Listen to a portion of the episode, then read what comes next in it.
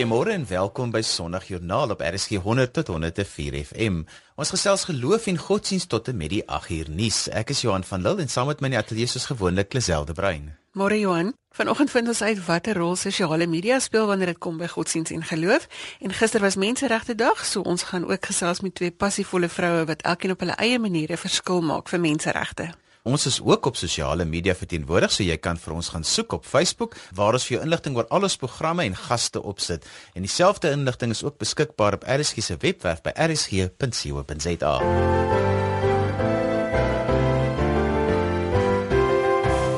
Chris van Wyk is moderator van die Oos-Kaap en predikant by die gemeente Somerstrand en hy het 'n Bybelskool vir sy gemeente aanlyn begin. Goeiemôre Chris. Hallo. Hoekom 'n Bybelstudie aanlyn?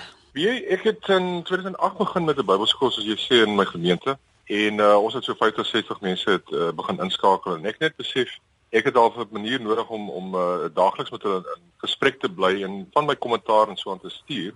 En uh, ek het toe uh, omdat ek met baie webtuiste ontwikkeling ook in die kerk besig is met gemeentes en uh, leraars uh, persoonlike webtuistes, het ek besef my bedoel dit is 'n baie maklike manier om dit eintlik op 'n vir hulle te doen maar dan ook op 'n wyeer manier uh, bloot te stel. So ek het so hier in die begin van uh, 2009 het ek met die Bybelskool toe aanlyn begin en uh, mense teken in, is gratis en uh, ek stuur dan elke weeksdag vir hulle uh, dis 'n hoofstuk vir hoofstuk lees met metodiek. Dan stuur ek vir hulle elke weeksdag stuur ek 'n bydrae en daar's vir die aksie en as pastorale gesprekke wat uitvoert uh, vloei en dis natuurlik oor die hele wêreld. So dit het begin by jou gemeente vir 'n Bybelskool vir jou gemeente, maar toe groei dit, daar gebeur toe 'n groter ding. Ja, kyk, ek het aanvanklik was my doel wat eintlik net om uh, my gemeentebediening, ek het 'n passie vir die Bybel en ek het 'n passie vir geloofsgewoontes, spesifiek nou Bybel lees ook, om vir my gemeente daarmee te help. So die aanlyn was net vir my 'n baie natuurlike kommunikasie manier om met hulle te kommunikeer. En wat nou maar net gebeur het is omdat dit aanlyn is en dit beskikbaar vir almal is en ons nie 'n spesifieke uh, wagwoord gedrewe webtuise geskep het of uh, teen betaling of wat ek al nie. Jy het mense van van oor die hele wêreld eintlik ingeskakel. Perth in Australië, Nieu-Seeland, uh, in die Verenigde Koninkryk is daar klomp mense. So van waar af kry jy dan nou mense wat nou deelneem aan jou Bybelskool? Mense moet nooit die word of mouth versprei onderskat nie. Mense wat uh, van ons gemeente af is, al hele klomp mense uh, oor die wêreld in in uh, jy weet met werk en so aan uh, wat hulle geïmigreer het. En uh, wat vertel daarvan? Hulle kom dit hierso dat dit hier by ons geleer ken en hulle vertel dit vir mense daar. Maar uh, Facebook en Twitter en so klein bietjie Google Plus uh, is 'n manier waarop dit uh, vers, versprei. Want ek ek stuur dit van die webtuis mos nou baie maklik om te doen na beide ons gemeente Facebook bladsy na 'n spesifieke Bybelskool Facebook bladsy en ook dan uiteindelik uh, na my eie persoonlike bladsy en uh Twitter dieselfde. Uh is ook meer 'n persoonlike een daai. So wat gebeur is mense sien dit, hulle like dit,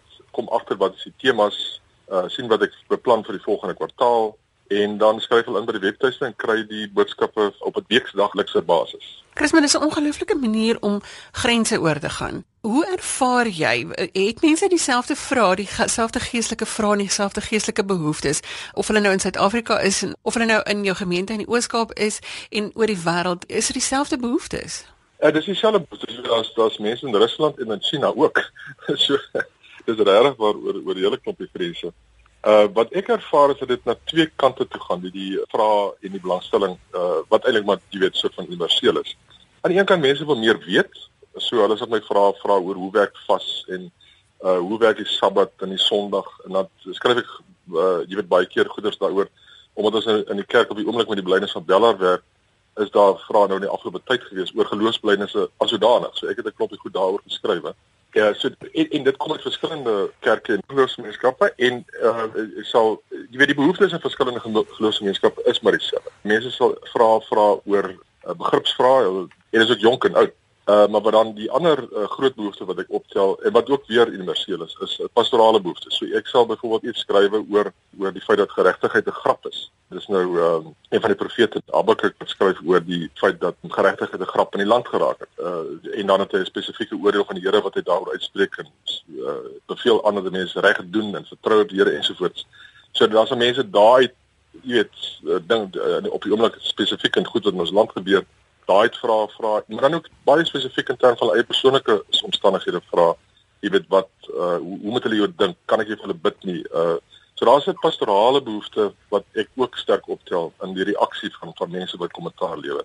Ek kies ook om daai uh, want hulle baie keer die kommentaar word gegee en dan kan dit verskyn op die webtuiste. Uh so ek uh, kies om dit te modereer en direk met die mense wat wat nou meer pastorale vrae vra kontak te maak. Jy het genoem dat jy gebruik maak van Facebook en van Twitter. Is daar 'n platform wat jy kan agterkom wat gelowiges meer gebruik of minder gebruik? Twitter is is meer 'n my ervaring 'n uh, uh, vars nuus en dan ook uh, tegniese uh, goed. So daar's ouens wat in uh, rekenaars of in programmering uh, is goed waarna ek belangstel. Uh, uh sal skryf en kort goedjies skryf 'n uh, uh, skakel na 'n plek toe gee uh, sodat mense meer kan gaan lees. En natuurlik nou nuus. Ek dink Twitter is die die, die varsste nuus wat jy kan kry. As jy nou net 'n bietjie weet hoe om dit te gebruik. So dit is nie regtig uh, vir die Bybelskool die tipe goed wat ons doen wat jy meer lees en luister en dan leef met dit wat die inhoud van die Bybel.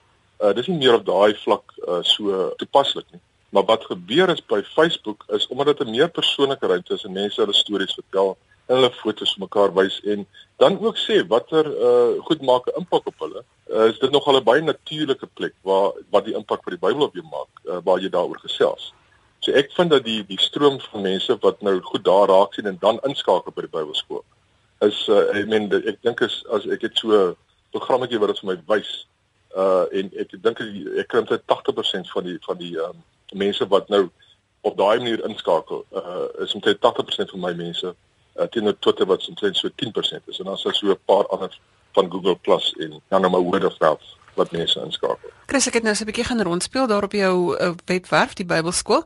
As mense meer wil uitvind, dis baie skoon, dis lekker, dis maklik om te lees, dis maklik om te kry. Waar kry hulle meer inligting daaroor? Kyk, uh, bybelskool.com, dis die die adres. Uh jy skryf in op die voorblad, dis baie maklik. Jy sit jou e-pos in in die ruimtetjie daar staan ontvang bydraes per e-pos en dan word daar e-pos aan jou gestuur. Jy keer dit goed dat ek kan e-pos stuur en daarna is dit 'n outomatiese proses totdat jy dit self besluit om om uit te teken. Dis maar die manier waarop waarop mense dit doen. Daar is op die oomblik ek het so 2/3 van die Bybel, die hele Nuwe Testament al gedoen en uh is is die hele tyd gratis beskikbaar en ek het so die helfte van die Ou Testament al gedoen. Uh, ek is so 2/3 ver. Uit die 1189 hoofstukke het ek 800 afgehaal vanoggend. So ehm um, ja, dan het blaai mense maar daardeur. Hulle kan die huidige een wat ek doen, op die oomblik is ek met die 12 kleiner profete uh, besig, kan hulle dit nou daagliks kry, maar die uh, biblioteek van vorige bydraes bly daar. So as jy belangstel in Jesaja uh of jy bestel belang in Johannes of jy wil Openbaring deurwerk, dan kan jy doodgewoon die uh die bydraes soos wat hulle op die webtuiste verskyn, jy net hier vir een vir een uh deurwerk op jou eie tyd. En dit is nogal wat ek vind ek uh, uh vind nogal dat uh Bybelstudiegroepe en ook uh, die Bybelskole wat daar is, kies eintlik hulle eie ritme uh om om om te volg. Die die mense wat die daaglikse goed volg is meer die mense wat vir hulle persoonlike stilte tyd dit gebruik. Daarvan hulle is dan op die oomblik so 1000 wat wat ingeskryf is. Die unieke besoeke wat jy aan jou webwerf kry, hoeveel is dit? Ja, ek het nou vanoggend gaan kyk, uh hierdie jaar is dit so 6800 unieke besoekers per maand gemiddeld en so 12000 besoeke of eintlik besoekers en 46000 bladsye wat gelees word gemiddeld per maand. Daar het jy dit. Dit is die krag van die internet. 6000 per maand mense wat gaan kyk wat blootgestel word aan die evangelie by bybelskool.com. Dis eenvoudig, gaan kyk daar as jy wil Bybelstudie doen. Chris baie dankie dat jy vanoggend tot saamgesels het sommer dit voorreg. Baie dankie. Lisel het gesels met Dominee Chris van Wyk oor die Bybelskool wat materiaal deur die internet beskikbaar stel. Goeiemôre as jy sopas ingeskakel het. Sondagjoernaal is waar ons godsdiens en geloof praat op RSG 100 tot 104 FM. Besoek gerus RSG se webblad by rsg.co.za vir inligting oor ons gaste vandag en ook vir die res van RSG se skedules. Ons gaste se kontakbesonderhede is ook op Sondagjoernaal se Facebook bladsy. Ahmad en Chanel het laat weet dat hulle luister en ons het ook gehoor van Riet Engelbreg van Onrusrivier wat ingeskakel is. Dan is ook ander luisteraars wat gereeld van hulle laat hoor. Dankie aan Kobus Linde wat gereeld luister, lekker terugvoer gee en Likkie Wolmerans wat ook 'n gereelde luisteraar is. Jy luister na Sondagjoernaal saam met Johan van Lille en Liselde Brein. Professor Stefan Jubber is verbonde aan die Universiteit van Radboud in Nederland, maar hy is ook mede-stigter van die E-kerk.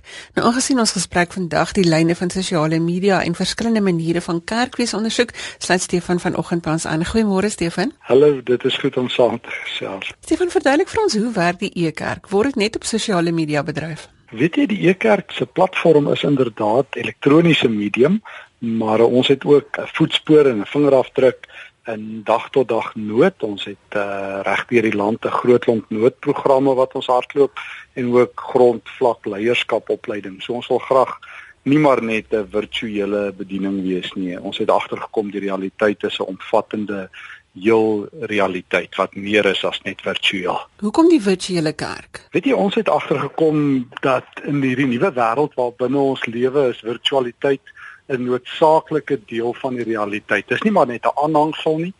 Uh as dit so is dat ehm um, tans Facebook uh, baie 2 miljard mense het wat aktief daarop betrokke is en as Twitter 4 500 miljoen aktiewe uh, tweets per dag kan hanteer dan is dit regtig deel van ons realiteit en ons wil graag ook uh, 'n multifasette van die realiteit ook omarm en ook graag vir Christus daar 'n voetspoor nalaat. En hoe het jy dan interaksie met die mense wat die boodskap hoor? Ek dink die generasie waaruit ek kom, die ouderdomsgroep waaruit ek kom, beskou uh die digitale wêreld meer as informasieplatform maar die jonger generasies beskou die digitale platforms as die web 2.0 as 'n verlengstuk van hulle menswees en hulle realiteit.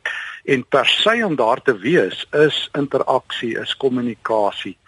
Ons verstaan egter dat die gevaar is dat dit uh compassion from a distance kan wees en daarom probeer ons ook interaksies fasiliteer en probeer ons ook spasie skep, jy weet waar mense kan betrokke raak in mense se nood en daarom het ons noodprogramme en daag ons mense uit om betrokke te raak of by leierskap opleidingssessies betrokke te raak. Maar 'n groot deel van interaksie is eenvoudig ehm um, posts of plasings van inligting en en terugpraat van mense en dit gebeur nogal baie. Maar dit laat dan ook die geleentheid dat jy met daardie mense in gesprek kan tree deur e-pos of wat ook al die medium mag wees wat hulle verkies. Dis reg. Ons het agtergekom dat die, die nuwe wêreld wat binne ons lewe werk aan die hand van stamme of tribes. Mense identifiseer met 'n bepaalde tribe, met 'n bepaalde groep en in die lig daarvan uh, ontwikkel daar verskillende media platforms. So ons gebruik 'n wye verskeidenheid. Ons probeer van Facebook tot Twitter tot Instagram jy noem dit, ons probeer al die media probeer ons effektief benut, maar ons probeer ook ehm uh, soos ek gesê het, konkrete fisiese situasies skep waar binne mense ook kan die groot woord konnekteer met mekaar want dit is nogal 'n groot behoefte. Bereik 'n mens meer mense as wat jy sou bereik net in jou onmiddellike omgewing wat in dieselfde omgewing as jy bly wat na dieselfde kerk toe gaan? Dis 'n baie goeie vraag. Ek dink nogal so.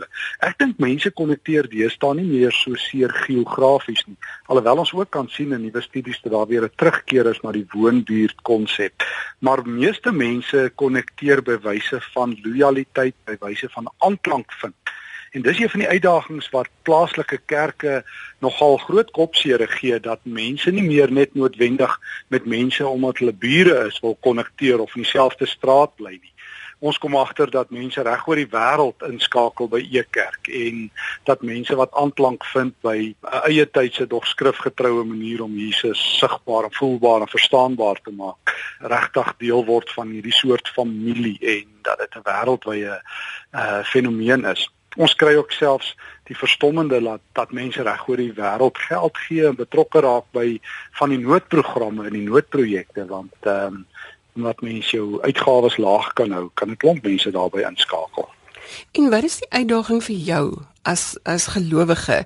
Moet jy anders dink? Word jy met ander goed gekonfronteer wat jy normaalweg sou gekonfronteer word? Ek dink so. Die een ding wat ons agtergekom het op sosiale media is dat mense baie meer vrymoedigheid het dat uh, daar's nie hierdie hiërargiese posisies nie. So die oomblik wanneer ons in daardie wêreld inbeweeg, is dit nie En ek weet baie kerke en dis dan ook nou vandag anderster op in op voedselvlak in kerke. Maar uh, in 'n plaaslike gemeente is daar dikwels maar nog 'n hiërargie, daar's 'n pastoor, 'n dominee, 'n titel. Op sosiale media is dit glad nie daar nie. So ons moet baie mooi dink, ons kan hiërargies oorkom uh, uh sterk bevele gee nie. Ons kom agter die wêreld van van die digitaal van digitaliteit uh, is gebaseer op stories, op narratiewe, op beelde, op kort stukkies inligting wat lei tot gesprekke en wat mense in staat stel om weet interaktief te kan werk. So ons probeer graag daardie wêreld maksimaal benut binne die speelruimte van van eie tydse, jy weet, kommunikasiemiddels. En dan is daar nou die situasie dat of op sosiale media vind ons dat mense hulle self die reg toe eien om dan 'n klomp goed te sê wat hulle nie normaalweg vir jou sou sê as hulle in jou oë gekyk het nie. Hoe bestuur 'n mens daardie situasie? Ons kry die die tragiese verskynsel van personas. Mense skep vir hulle self 'n digitale persona ek het geleer by die jonger generasie dat uh, ons haal hulle eenvoudig van die stelsel af. As ons agterkom ouens is banaal of vloek, dan word hulle eenvoudig deur um, van die jonger ouetjies wat by E-kerk werk. Hulle sê net Hoor hierso dit is julle generasie se probleem dat julle so almal 'n spreekbeurt wil gee. Ons generasie is ons het 'n bepaalde identiteit. En as daar die hele tyd 'n ou klomp gehoor asems rondhang, sit dit ander mense af om te om interaksie te hê. So ons sal vir 'n persoon vra asseblief, ons wil nie graag hierdie soort opmerking sê nie en éventueel hulle verwyder want daar's 'n bepaalde identiteit wat ons graag in stand wil hou en ons dit beteken nie sensuur nie of miskien kan dit in ons generasie klink maar sensuur Maar ek laat ons jonger ouetjies toe en hulle sê ons wil graag soos hulle sê ons tribe wees en ons tribe het hierdie soort gesprek, hierdie soort taal. En as jy nie by aanklank vind nie, daar is altyd 'n ander plek waar jy jou mond kan uitspoel. Ek dink dit is tog belangrik dat mense leer om mekaar te kan verdra, nê? En hierdie is dalk 'n medium waar dit kan gebeur. Ja. Ek dink so.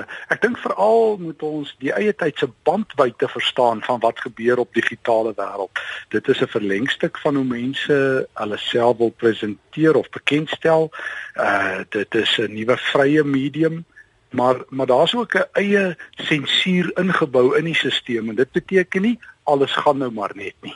Ek sien selfs uh die groot eisters van Google en almal wil ook nie maar net deesdae enige ou op hulle webblaaie hê nie want dit het regtig hoor geraak dat enige ouma net hulle mond kan uitspoel en praat nie. So daar is groter bandwydte om mekaar te hoor, maar daar's ook 'n soort ingeboude gesprek dat dit beteken ons wil nie uh the weakest link elke keer die sterkste link maak, maar net hoor wat wat the weakest link elke keer wil sê nie. Stefan baie insiggewend om al om te hoor hoe jy dit hanteer en hoe jy dink en hoe jy werk. Baie dankie dat jy vanoggend saam met ons gekuier het. Dit was 'n groot voorreg. Dit was Lisel wat gesels het met professor Stefan Joubert oor hulle manier van bedien op verskillende sosiale media platforms. Jy's ingeskakel op Sondag Joernaal en ons gesels godsdiens en geloof. Jamie Leroux was vir 20 jaar in 'n gemeentebediening by die Christelik Gereformeerde Kerk, maar hy is reeds sedert 2010 voltyds besig met internetbediening. Hy gesels vanoggend met ons oor hierdie anderste manier om in diens te staan van die evangelie. Goeiemôre Jamie. Goeiemôre Lisel. Jamie, hoe het jy besluit op 'n internetbediening? Ja, ek dink dit het baie natuurlik en spontaan gebeur. Uh, mense het maar so gekommunikeer met jou lidmate en dan het jy nou vir hulle goedjies aangestuur wat mooi is.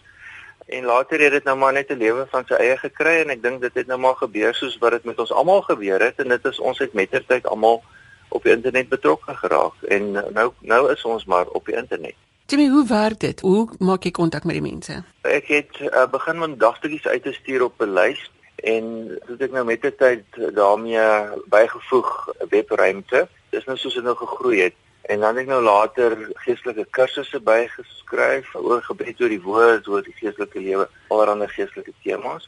En het hierdie bediening nou maar net gegroei en gegroei is nou 5 jaar voltyds, maar voor dit was dit nog 5 jaar deeltyds of eintlik nog langer as dit.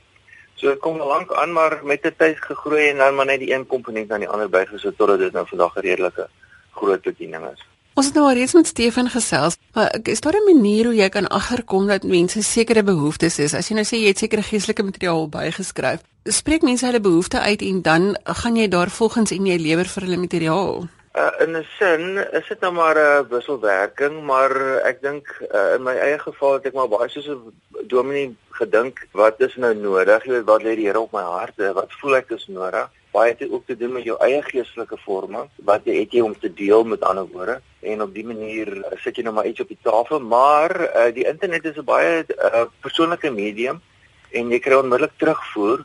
So uh, dan besef jy maar altyd weer uh, waar die behoefte is en dit uh, rig jou ook maar baie beslis in jou in volgende temas en as ons nou sê jy is voltyds in die internetbediening waarmee koop jy brood ek uh, kry wel 'n inkomste uh Lisel want die die internet is baie groot en uh, ons bediening kom al uh, baie jare aan. En daar's mense wat inskryf uh vir ons diens nou die meeste wat ons doen is gratis al die dagstukkies en so voort. Maar sommige van dit wat ons aanbied byvoorbeeld die life coaching wat ek doen geestelike begeleiding en en meeste van ons kursusse vra ons eintlik maar net 'n bydrae tot ons bediening So daar deur die loop van jare het daar mense gekom en dan nou ons bediening begin ondersteun en dit het nou maar opgeloop tot 'n inkomste.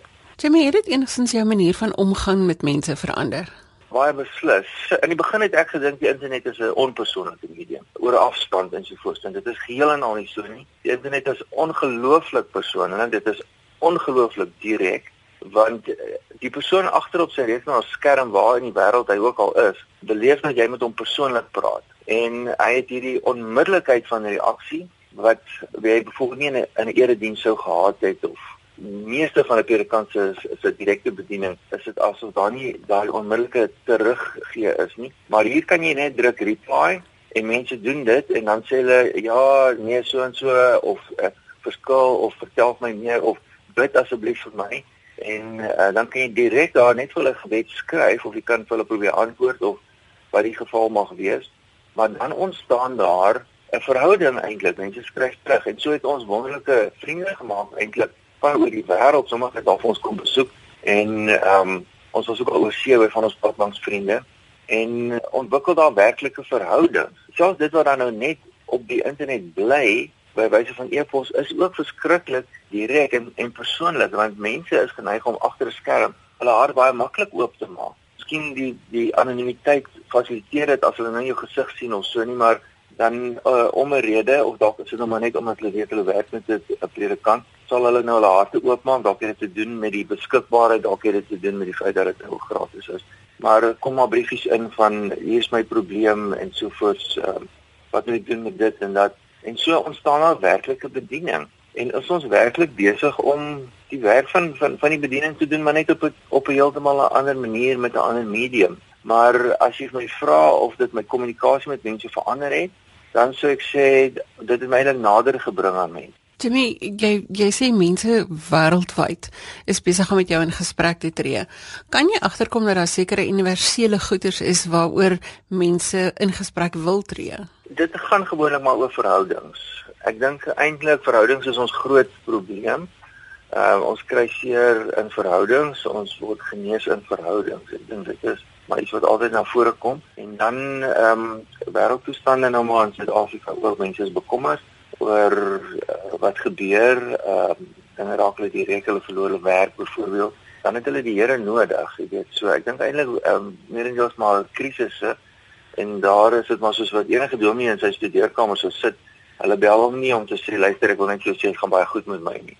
Dit is gewoonlik maar 'n probleem. So maar uh, ons weet dit en ons is ons ons is tog maar daar om te help en, en ons bring die Here na mense toe en en mense na die Here toe en in dit is ook 'n geweldige vreugde en natuurlik deel mense ook maar met mense se se oorwinnings en en vreugdes en ontdekkings en groei en dit is ook fantasties. Mense is ook baie welkom om by ons webruimte draaitjie te maak. Waar kan hulle jou kry? Ons webruimte www.jimmyleroux.com baie eenvoudig, maar die Jimmy skryf dit dan nou J I M I J I M I Jimmy Leroux of anders kan hulle maar net pad langs bediening Google pad langs bediening en dan sal hulle wel uitkom by wat ons doen. En hulle kan ook inskryf vir 'n dagstukkie. Kom in Afrikaans en Engels, ons is ook op Facebook, dan kan hulle net maar sien en dan met tyd self besluit of hulle meer betrokke wil raak of dit genoeg is vir hulle. Dankie Jimmy, lekker Sondag vir jou. Baie dankie en dieselfde daar Lisel.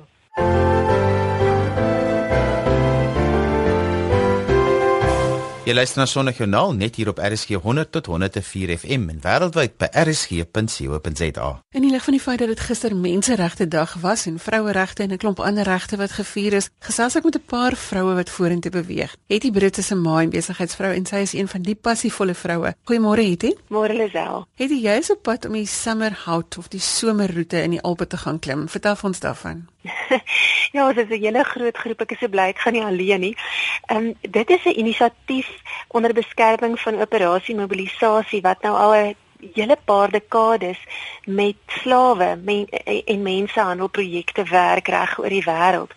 En hierdie is die derde klim van die sogenaamde Freedom Climb wat nou die projekte se se sambreel naam is.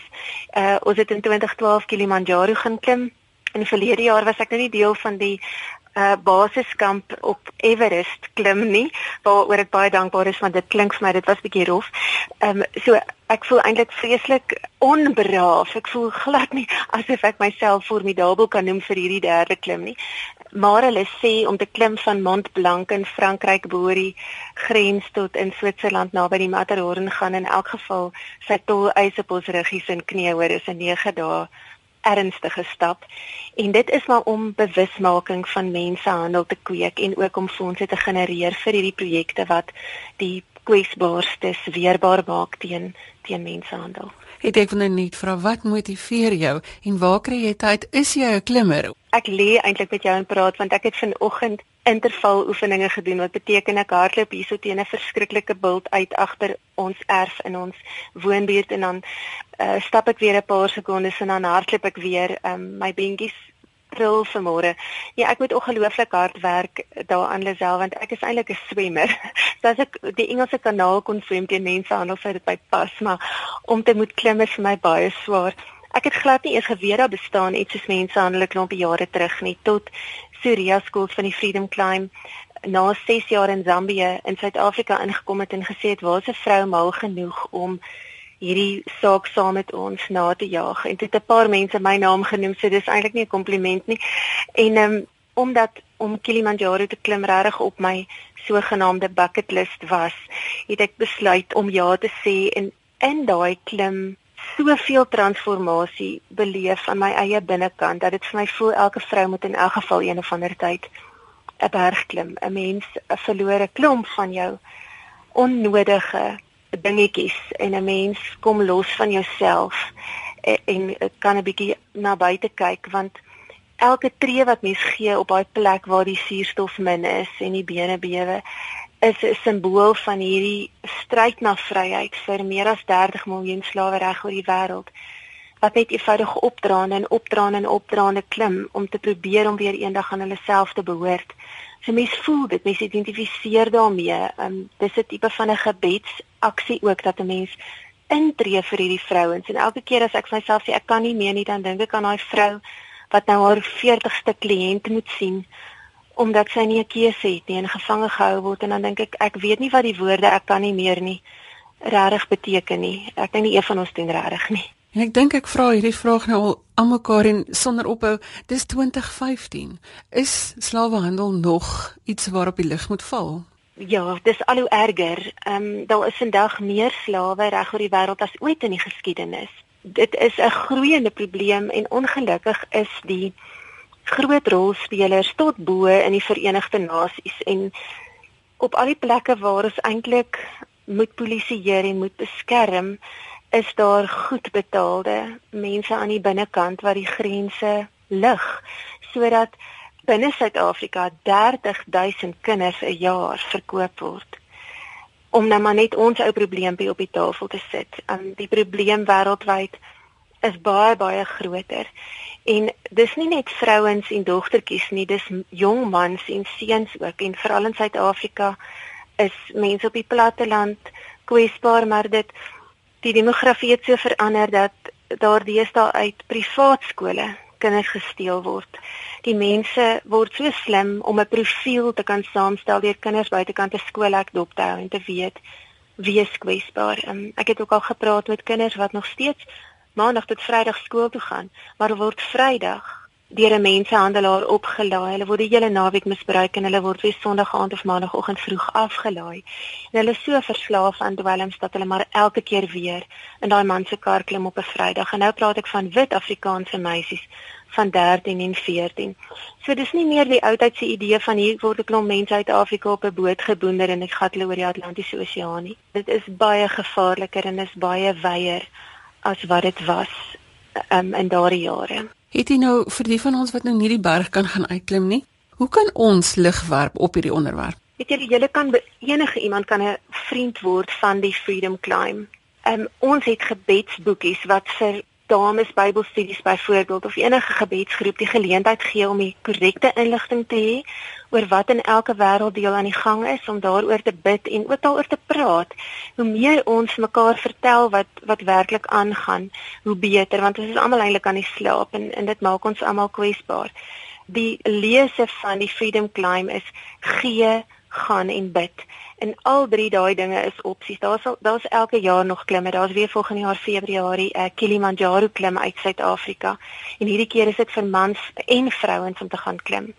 So oorweeg om te klim, maar oorweeg ook om te gee aan hierdie projekte. Die projekte is nie net nie, hulle is bewese suksesprojekte wat slawe red en rehabiliteer, maar ook baie waardevolle voorkomingsprogramme dryf. En ek dink 'n maklike ding om te sê is hou jou oë oop vir jou omgewing en vir dinge wat rondom jou aan die gang is. Het jy as ons meer oor hierdie projek wil uitvind, waar kan hulle inligting kry?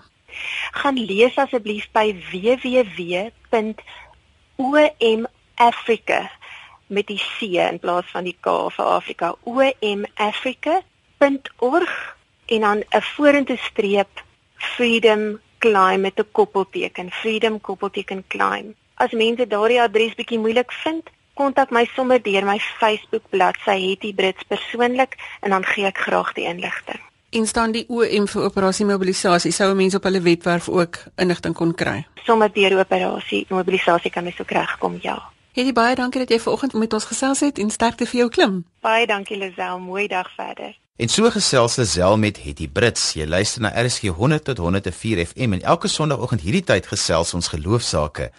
Die potgooi van Sondagjoernaal sal môre op RSG se webwerf wees by rsg.co.za.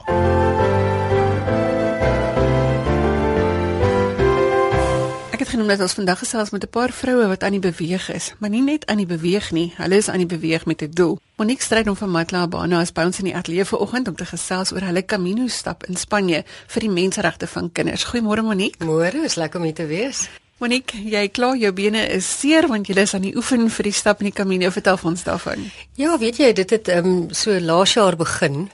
Um, ons is amper almal 50 plus en dit ons besluit wat kan ons doen ehm um, wat nou nie sulke ekstreme oefening is nie en waar ons ook 'n verskil kan maak. En toe ehm um, ek het in Spanje gewerk laas jaar as 'n vrywilliger en ek het gehoor van die Camino en toe stel ek voor dat ons die Camino gaan loop.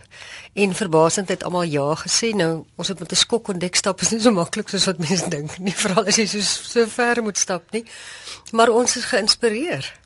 Ja, ek wil net sê vir al die Camino in Spanje, julle weet hoe ver dit is, nê? Nee.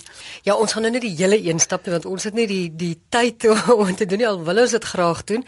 Ons gaan nou net die laaste 110 ehm um, daar stap en die mense wat nou die hele 3 maande stap is baie snobisties daaroor en kyk so half af op die mense, maar ons het besluit ons gaan die meeste daarvan maak en dan sommer 'n goeie doel ook daaraan heg. Vertel vir ons daarvan. Gister was menseregte dag. In die lig daarvan, hoekom gaan julle stap? Ja, weet jy, ons het so ehm um, 3 jaar terug met 'n projek begin Extreme for Kids en ons het begin met 'n fietstoer en toe dit nou hierdie jaar uitgebrei in ehm um, die Two Oceans hardloop en daar's 'n man van Brasilia wat vir ons gaan hardloop en nou daar uit Brasilia samel hy geld in. So dis ook deel van Extreme. En toe het besluit om ons vat sommer Extreme for Kids bietjie verder. Ons gaan nou die Extreme for Kids Camino doen.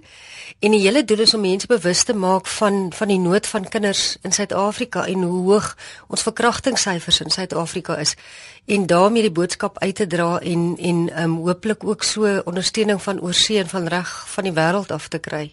Want julle rig lokale in by polisiestasies om kinders te help wanneer verkrachtings aangemeld word sodat hulle in 'n beter situasie kan wees met die ondervraging. Dis reg, ons het 'n klomp projekte, ons baie ondersteuning vir die vir die kinderslagoffers as hulle inkom en ons het so laas jaar begin met 'n projek wat se naam is Getting Conversation Going. En die hele idee is om die gemeenskappe aan die praat te kry want ons het bevind as die gemeenskappe praat, gaan die kinders aanmeld. So hierdie is letterlik getting the conversation going. Ons wil regtig op die pad stap en die Camino gaan mos om iemand te bedien of om 'n verskil te maak ons wil op die pad stap en regtig net 'n gesprekke begin tree met mense en vir mense sê dit is wat aangaan, jy weet bid of kyk waar jy 'n verskil kan gaan maak of gaan praat en gaan vertel. Wanneer kyk jy na die dag iemand hoor sê Hoekom moet ons so negatief wees? Moet al hierdie goed aangemeld word? Moet ons nou ons oop hou? Almal sê jy moet die kleinste dingetjie gaan aanmeld, maar dit is tog belangrik. Ons praat oor die lewe van 'n kind. Dis reg, en jy weet baie keer lyk dit soos 'n klein dingetjie en dan as jy begin krap, is dit iets baie baie baie groot. Ek sê maar liewers meld aan. Jy weet jy kan altyd jammer gaan vra as jy verkeerd is, maar ehm um, jy gaan eendag moet jammer sê vir daai kind as jy dit nie gaan aanmeld dit nie en daar is regtig iets groot uh, verkeerd. Ek het net weer die afgelope 2 maande gesien. Ons het met 'n paar dinge die polisie mee gehelp met al daai pedofiel sake in die internet pornografie en net besef deur daai tyd weer hoeveel van ons eie Suid-Afrikaanse mans is betrokke daarbey. Dis 'n hartseer om te sê en hulle eie kinders is ingetrek aan hierdie goeie. So ons kan verseker nie meer met ons oë toe staan en ons monde toe staan en maak of ons nie sien of hoor nie. Ons moet regtig sommer by jou eie huis moet jy maar jou oë oopmaak en kyk wat gaan regtig aan daar by jou huis in jou familie se huise. Dit gebeur regtig. Ek wil amper vir jou sê pff, in elke gesin of in elke familie gaan jy is so iets kry. Mens moet mense bewus maak daarvan, want die feit dat jy in 'n gelukkige gesin is waar jou kinders veilig is, beteken nie dit gebeur in elke huis nie, soos wat jy nou sê, iewers gaan daar oral iemand wees wat besig is om om dinge te doen wat hulle nie moet nie. Dis reg, ag daar was so 'n mediese navorsingsraad ehm um, verslag wat gesê het een uit elke 4 mans gaan een keer in hulle lewens verkrag. Jy weet as jy na daai statistieke kyk, dit was nou nie landwyse statistieke nie, maar as jy net na so 'n tipe statistiek kyk, dan besef jy uit 'n groep van 10 vriende weet is daar potensieel twee verkragters en jy weet jou kinders gaan by ander mense speel. En ons het nou 'n paar sake gehad wat kinders deur die kind se pappa verkrag is en films gemaak van is en verkoop is. So mense kinders en ek ek dink regtig met internet is daar ouens wat nie miskien noodwendig oortreders sou gewees het nie wat nou dis so maklik om oortreders te word. So ek dink ons kinders is baie baie baie meer blootgestel aan hierdie tipe goeters so mense moet regtig bedag daarop wees Monique, julle gaan nou in Spanje stap. Hoe gaan julle mense bewus maak van waarvoor julle stap? Ons gaan 'n Facebook bladsy hê sodat mense kan lees van hoe swaar ons kry en wat se beserings ons het. Nie dat ons beplan om sulke goed te doen nie, maar um, ons gaan ook klere dra met ehm um, jy weet met spesifieke boodskappe op. So en mense kan maar nou die die Facebook bladsy dop hou en maar so kyk hoe gaan dit met ons op pad en dan saam praat. Dis wat ons eintlik graag wil hê is is Ons wil ook hê dat ons seer kry want ek seker ons gaan 'n bietjie seer kry. daarmee simboliseer ons ook die seer kry van kinders wat nie kan praat nie en dat juist dat ons praat, ons ook hulle stemme sal wees. Ek vermoed julle gaan definitief 'n blaas of twee hê as ek so luister na al die ander mense se stories. Indien mense wil inligting hê oor julle stap, wat is die Facebook bladsy waar kan hulle inligting kry? Weet jy die beste sal wees om maar na ons webwerf toe te gaan, Matla Www.co.za. Ehm um, en die, die Facebook uh, se webwerf se naam is uh, Extreme for Kids Camino. So hulle kan sommer na een van daai twee gaan kyk. Ehm um, of hulle kan my maar net gaan Google. Dit is Matla Abana. Ons spel dit M A T L A A B A N A. Alles een woord, moenie. Alles een woord. .co.za of Extreme Kids Camino op Facebook en gaan kyk daar hoe hierdie vroue gaan stap en hoe hulle onder die wêreld se aandag gaan bring dat kinders in nood is vir menseregte dag en dat hulle hulp nodig het. Monique, jy praat nou van ons wat gaan stap. Wie is almal op hierdie stap? Weet jy, ons is 'n groep vriendinne van 4. Ehm um, dis ek en dan Alice Pitzer van Alice Art Gallery en dan Marilies van Rooyen wat 'n baie bekende is hier in in Durbanville en dan Tracy Going. Mense sal haar nog onthou van uh, Good Morning South Africa farm. So sy is die fikste en die vinnigste, maar ons ander gaan probeer om by te bly. Dis vier formidable vroue wat die Camino gaan stap in Spanje om onder die aandag te bring kinders se nood en ook menseregte. Monique, baie dankie dat jy vanoggend met ons gesels het. Dankie. Dankie Monique en sterkte ook van my kant af met julle voorbereiding vir daardie stap en bewusmaking van kinderregte.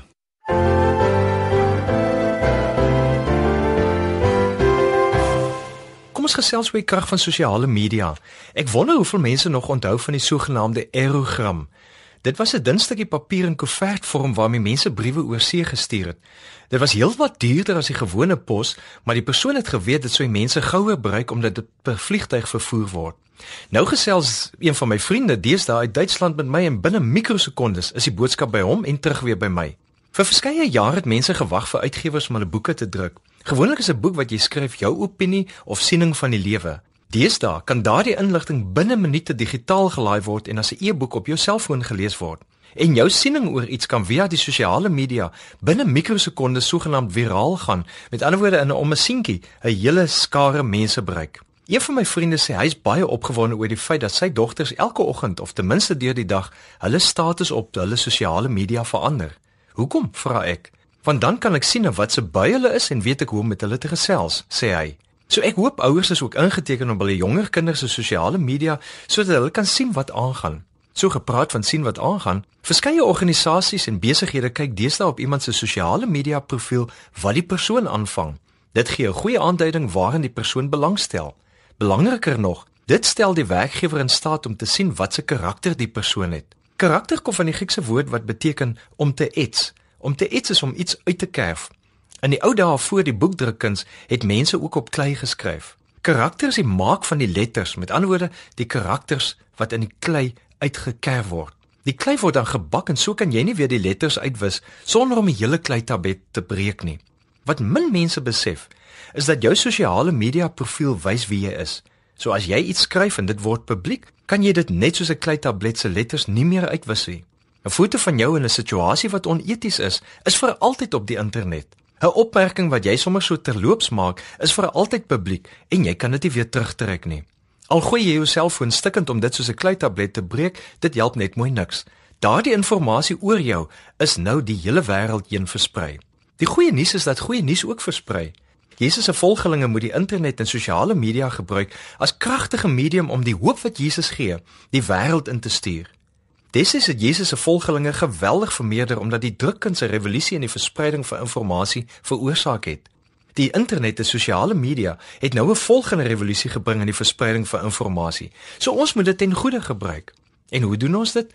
Ons kan Paulus se raad volg wat die Heilige Gees gee in Filippense 4 vers 8. Alles wat waar is, alles wat edel is, alles wat reg is, alles wat rein is, alles wat mooi is, alles wat prysenswaardig is, watter deug of lofwaardige saak daar ook mag wees, daarop moet julle julle gedagtes rig. In ons taal, daarop moet julle julle sosiale media rig. God gee vir jou 'n kragtige instrument in die vorm van sosiale media om die wêreld 'n beter plek te maak. So gebruik dit heilig. Dit was Dr. Janie Leroux met sy perspektief oor sosiale netwerke en daarmee het dit natuurlik ook tyd geword om te groet. Al wat oorbly is om te sê dat volgende Sondag is ons weer hier op dieselfde tyd met nuwe stories uit die wêreld van geloof en godsdiens. Tot dan van my Liselde Brein totsiens.